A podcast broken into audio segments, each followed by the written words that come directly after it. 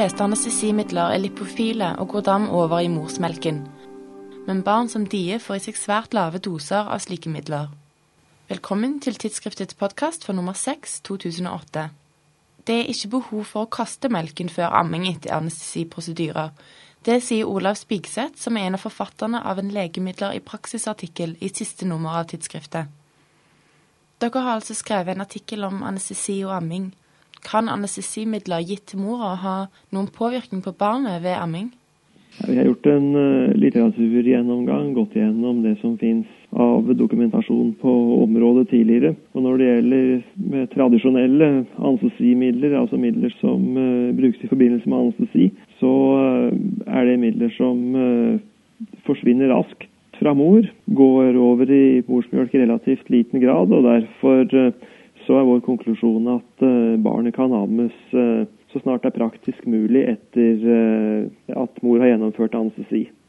Har valget av anestesimiddel noen eh, innvirkning på hvor raskt ammen kan gjenopptas?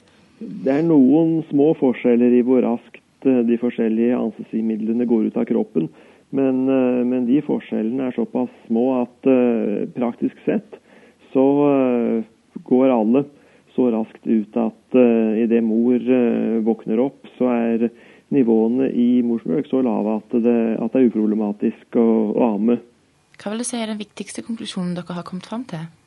Det, det viktigste er jo at uh, man ikke trenger å pumpe seg etter anestesi.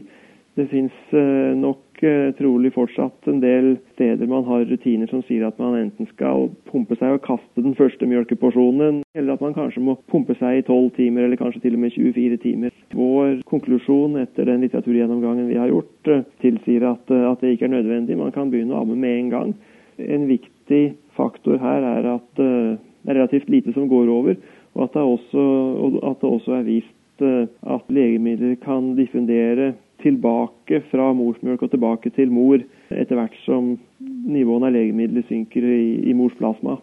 Kan du gi en eh, kort oversikt over mulige konsekvenser av de forskjellige anestesimidlene? Ja, når det gjelder skal vi si, opioider, midler som eh, det kanskje kan være aktuelt å gi til eh, smertebehandling etterpå, så finnes det data som viser at blant de sterkeste midlene morfin det som ser ut til å være det sikreste. Det er altså bedre enn petidin f.eks. Eh, bedre enn uh, ketobemidon osv. Men også der uh, bør man være forsiktig hvis det dreier seg om bruk over flere dager, for da kan, da kan barnet bli påvirka.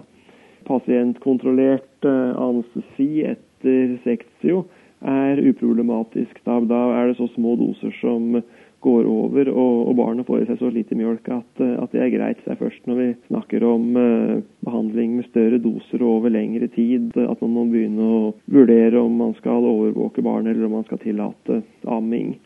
Kodin er jo også et uh, legemiddel som det kan være aktuelt å gi uh, postoperativt i litt lengre tid. Da kan det være problematisk hvis mor bryter ned kodin til morfin raskt. Omtrent 5-10 i befolkningen bryter ned kodin raskt til morfin. Da kan barnet få i seg så store doser at det er problematisk. Det finnes faktisk beskrevet et dødsfall også der uh, mor metaboliserte kodin til morfin raskt og amma barnet i ei uke. Sånn at det å bruke kodin i mer enn si, enkeltdoser, kanskje et døgn eller to maksimalt, uh, mer enn det er ikke forenlig med det å amme. Benzodiazepiner kan det være aktuelt å gi eh, gjentatte doser av, kanskje. Det, det, må også vurderes på individuelt grunnlag.